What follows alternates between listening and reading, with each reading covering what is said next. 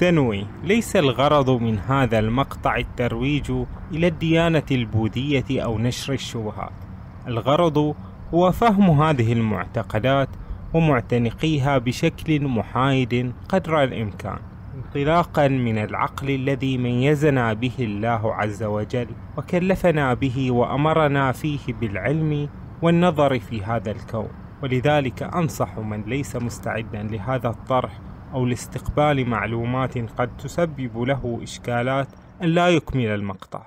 وأعوذ بالله من أن يكون هذا المقطع له أثر سلبي على أحد من المسلمين أو أن يكتب في صحيفة أعمالي من السيئات.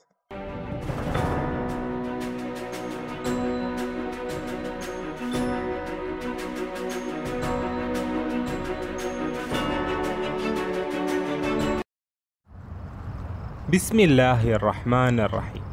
كلنا يعرف البوذية في مظاهرها التي نراها عنهم في الشاشة وفي شذرات متفرقة عن ديانتهم وعن بوذا وعن الرهبان ذوي الأردية البرتقالية وهم في جلسات تأملاتهم. وهذه النظرة أشبه بالقصة الهندية عن الأشخاص الذين يمسكون بأجزاء الفيل ويظنون أن الفيل هو ذلك الجزء فقط. وفي هذا المقطع نلخص من كتاب البوذية مقدمة قصيرة جدا ما يعرفنا بالأجزاء الرئيسة المكونة للفلسفة أو الديانة البوذية. من هو بوذا؟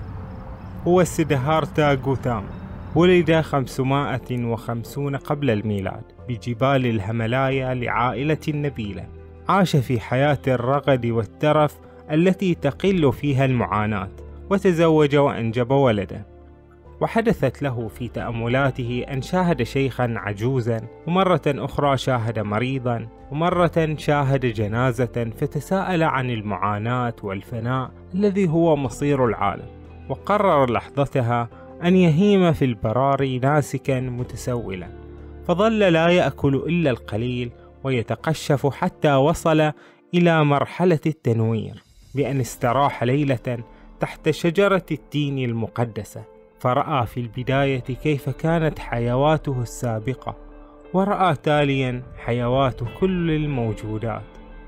وفي نهاية تلك الليلة تطهر قلبه من كل شيء سيء ووصل حينها إلى النيرفانا وهي الغاية الأسمى التي يسعى لها البوذيون. خرج بوذا مبشرا بما لديه فألقى خطبته الأولى على خمسة نساك. سوف يصبحون حوارييه ومبشرين لهذه التعاليم وستنتشر التعاليم البوذية بهذه الطريقة.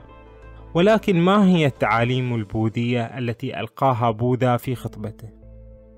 هي الحقائق الأربع النبيلة الحقيقة رقم واحد. إن الحياة مليئة بالمعاناة. ما هي أيها الرهبان؟ الحقيقة النبيلة للمعاناة الميلاد معاناة المرض معاناة الهرم معاناة الموت معاناة الألم والحزن والأسى والحسرة واليأس معاناة التعلق بالأمور البغيضة معاناة عدم التعلق بالأمور الطيبة معاناة عدم الحصول على ما يرغبه المرء معاناة.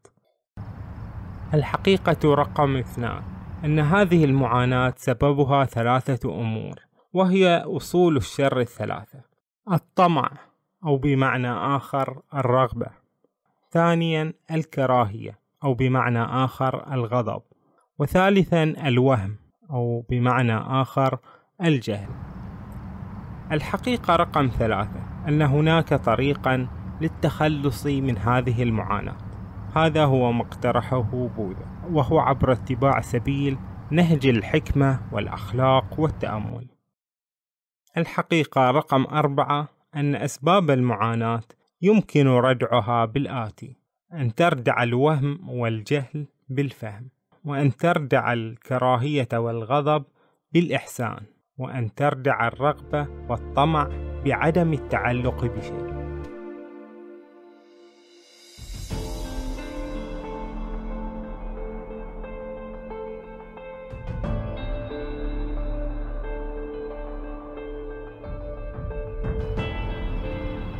الكارما وتعني تناسخ الأرواح. الكارما هي عقيدة لم يبتدعها البوذيون وإنما هي موجودة قبلهم عند الهندوس وعند غيرهم ولكنها عقيدة أساسية عند البوذيون بنوا عليها ديانتهم. وتعني أن كل من يموت سوف يتم إحياؤه مجددا على هيئة أخرى. فإذا كان إنسانا وأساء في حياته السابقة فسوف يهبط إلى مرتبة أقل وهي مرتبة الحيوانات وإن أحسن فسوف يرتقي إلى مرتبة الآلهة. من هم الآلهة؟ الآلهة في البوذية هي كائنات سماوية أرفع من البشر. لا يوجد لديها معاناة مثل البشر ولكنها لم تخلق العالم. وللأسف لا تؤمن الديانة البوذية بوجود خالق. المذاهب البوذية تنقسم البوذية إلى مذهبين رئيسين. المذهب الأول هو التيرفادا. لكل دين مذهب سلفي. يؤمن بالتمسك بالأصول الأولى كما جاءت. وفي البوذية هذا هو المذهب الذي ينتشر في ماينمار وتايلاند وسريلانكا وما حولها. وهؤلاء يتمسكون بالنصوص البوذية القديمة بظواهرها وببساطتها. وهم محافظون أكثر وفي زمننا نجدهم متعصبون أكثر. اثنان الماهيانا ومعناها العجلة الكبيرة.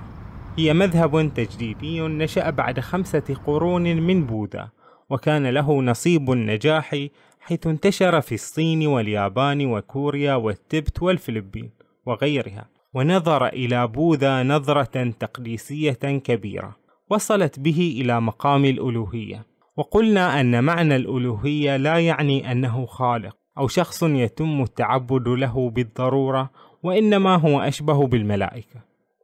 وأعادت الماهيانا قراءة تاريخ البوذية وفق فلسفة معقدة أكثر وآمنت بفكرة الماتيريا وهي فكرة مجيء البوذا المخلص في آخر الزمان. ويهتم هذا المذهب بالمجتمع أكثر من الفرد فيشجع على مساعدة الآخرين وجعل الحياة أفضل. وتفرعت عن هذا المذهب مذاهب أخرى صغيرة. في كل إقليم كان لها ذوقه الخاص. منها مذهب الزن الياباني المشهور بتأملاته الفريدة ومنها المذهب التبتي. والتبت إقليم كبير في جنوب غرب الصين. كان مستقلا ولكن الصين ضمته لها قبل عقود. وهذا المذهب يرأسه الدلاي لاما الحالي المعروف. التأمل أم اليوغا؟ البوذية لا تحب كلمة يوغا. اليوغا ممارسة هندية قائمة على التعاليم الهندوسية. وحين جاء بوذا كان معارضا للهندوسية وكذلك اليوغا. ولكنه طور استخدام هذه الممارسة باسم التأمل. فكانت طقوس التأملات البوذية أحد ثلاثة أركان الدين البوذي الحكمة والأخلاق والتأمل. ورغم ذلك كانت طقوس التأملات تقتصر على الرهبان في فترة زمنية طويلة والتأمل يهدف إلى تصفية الذهن تماما من أي فكرة فتسمو الروح فوق الحس والمادة والعالم الدنيوي. أما مذهب الماهيانا فحاول أن يضيف ثمة موضوعا في التأمل فيصفي المتأمل ذهنه ثم يشرع بالتفكير في موضوع معين. الدارما وتعني بالعربية الأخلاق. لدى البوذية وصايا أخلاقية تشابه ما لدينا في الإسلام. فتحرم البوذية القتل والسرقة والزنا والخمر والكذب والبهتان ولكن بالطبع تختلف في التفاصيل وتركز البوذية على عدم الطمع وهذا يعني الزهد وعدم كره الآخرين والحديث معهم بقسوة والإعراض عن اللغو فتبدو كل هذه الأخلاقيات موجودة في الإسلام.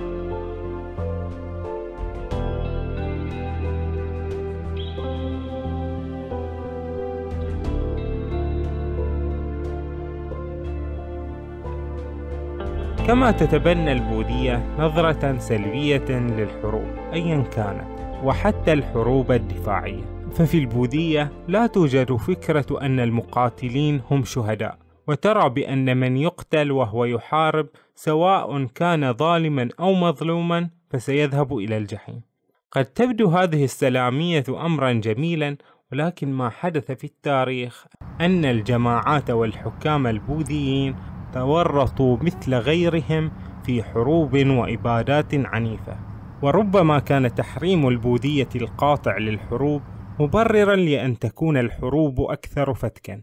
فعندما تقول أن المدافع عن نفسه والباقي كلاهما مخطئين فإذا كان لا بد من الحرب فالأفضل أن تكون باغيا. ربما كان تاريخ الإسلام يحتوي على حروب أكثر من حروب البوذيين. ولكن توجد في الإسلام تشريعات تجعل الحرب أقل فتكا وأكثر رحمة. ولكن ما رأيناه في بورما من إبادات بشعة تجعلنا نفكر أنهم حين تجاوزوا خطيئة دخول الحروب والقتل لم يحسوا بوجود تدرجات للإجرام فوصلوا بالإجرام إلى منتهى. فكأنما لا يوجد تشريعات بوذية تقول إذا اضطررت أن تحارب فلا تقتل الكثير ولا تقتل الأطفال والنساء ولا تمثل وغيرها. في حين نجد في ديننا الإسلامي تشريعات إنسانية في ميدان الحرب بأن لا تقطعوا شجرة ولا تقتلوا امرأة ولا صبيا ولا وليدا ولا شيخا كبيرا ولا مريضا لا تمثلوا بالجثث ولا تسرفوا في القتل ولا تهدموا معبدا ولا تخربوا بناء عامرا. ماذا تقدم البوذية للعالم؟ البوذية تم تصديرها للعالم من خلال طقوسها التأملية. كل كتب السعادة والنظريات المعاصرة مقتبسة من البوذية. وفي الحقيقة أن نظرية السعادة هي فكرة بوذا الأصيلة والمحورية فهو رأى مشكلة معاناة العالم المستمرة وأوجد لها حله الخاص. وهذه المعاناة التي وصفها والحل الذي أعطاه موجود وأكثر إلحاحا في زمننا هذا مع انتشار الاكتئاب وتوق الناس للسعادة الحقة. فنجد المفكرين الأكثر إلهاما في السعادة مثل إيكهارت تول والدلاي لاما ووين دير كلهم يتكلمون بمنطق البوذية وذهبوا ليتعلموا ويستلهموا منها. وفعلا هذه التأملات البوذية مفيدة في هذا الباب. ولكن هذه التأملات ليست دينا. وفي نظري أن البوذية كانت فلسفة وحركة أشبه بالعلمانية. أنشأها بوذا ثم تحولت إلى عقائد وطقوس وصارت دينا جديدا. حيث أن بوذا لم يأتي ليخبرنا عن الماوراء والغيب بالعكس هو ركز على الدنيا وما أنكره من عقائد الهندوس لم يكن سوى علمنا وطرد العقائد الغير نافعة من وجهة نظره. وأتوقع لو ظهر بوذا في أيامنا هذه لكان فيلسوفا ومؤلف كتب في السعادة والتنمية الذاتية وليس صاحب ديانة. وختاما أتمنى أن يكون هذا المقطع مفيدا في التعرف على معتقدات نصف مليار شخص يعيشون حولنا. وهي ليست دعوة لتشكيكنا في ديننا بل إن هذه المقارنة للأديان تجعلنا أكثر تقديرا لديننا الإسلامي الحنيف وما يحتويه من بناء ديني كامل ومتوازن. ويلفتني في هذا السياق دعاء منسوب للإمام الصادق عليه السلام يقول فيه يا من أرجوه لكل خير وآمن سخطه عند كل شر. يا من يعطي الكثير بالقليل يا من يعطي من سأله. يا من يعطي من لم يسأله ومن لم يعرفه. تحننا منه ورحمة. اعطني بمسألتي إياك جميع خير الدنيا وجميع خير الآخرة. واصرف عني بمسألتي إياك جميع شر الدنيا وشر الآخرة. فإنه غير منقوص ما أعطيت وزدني من فضلك يا كريم.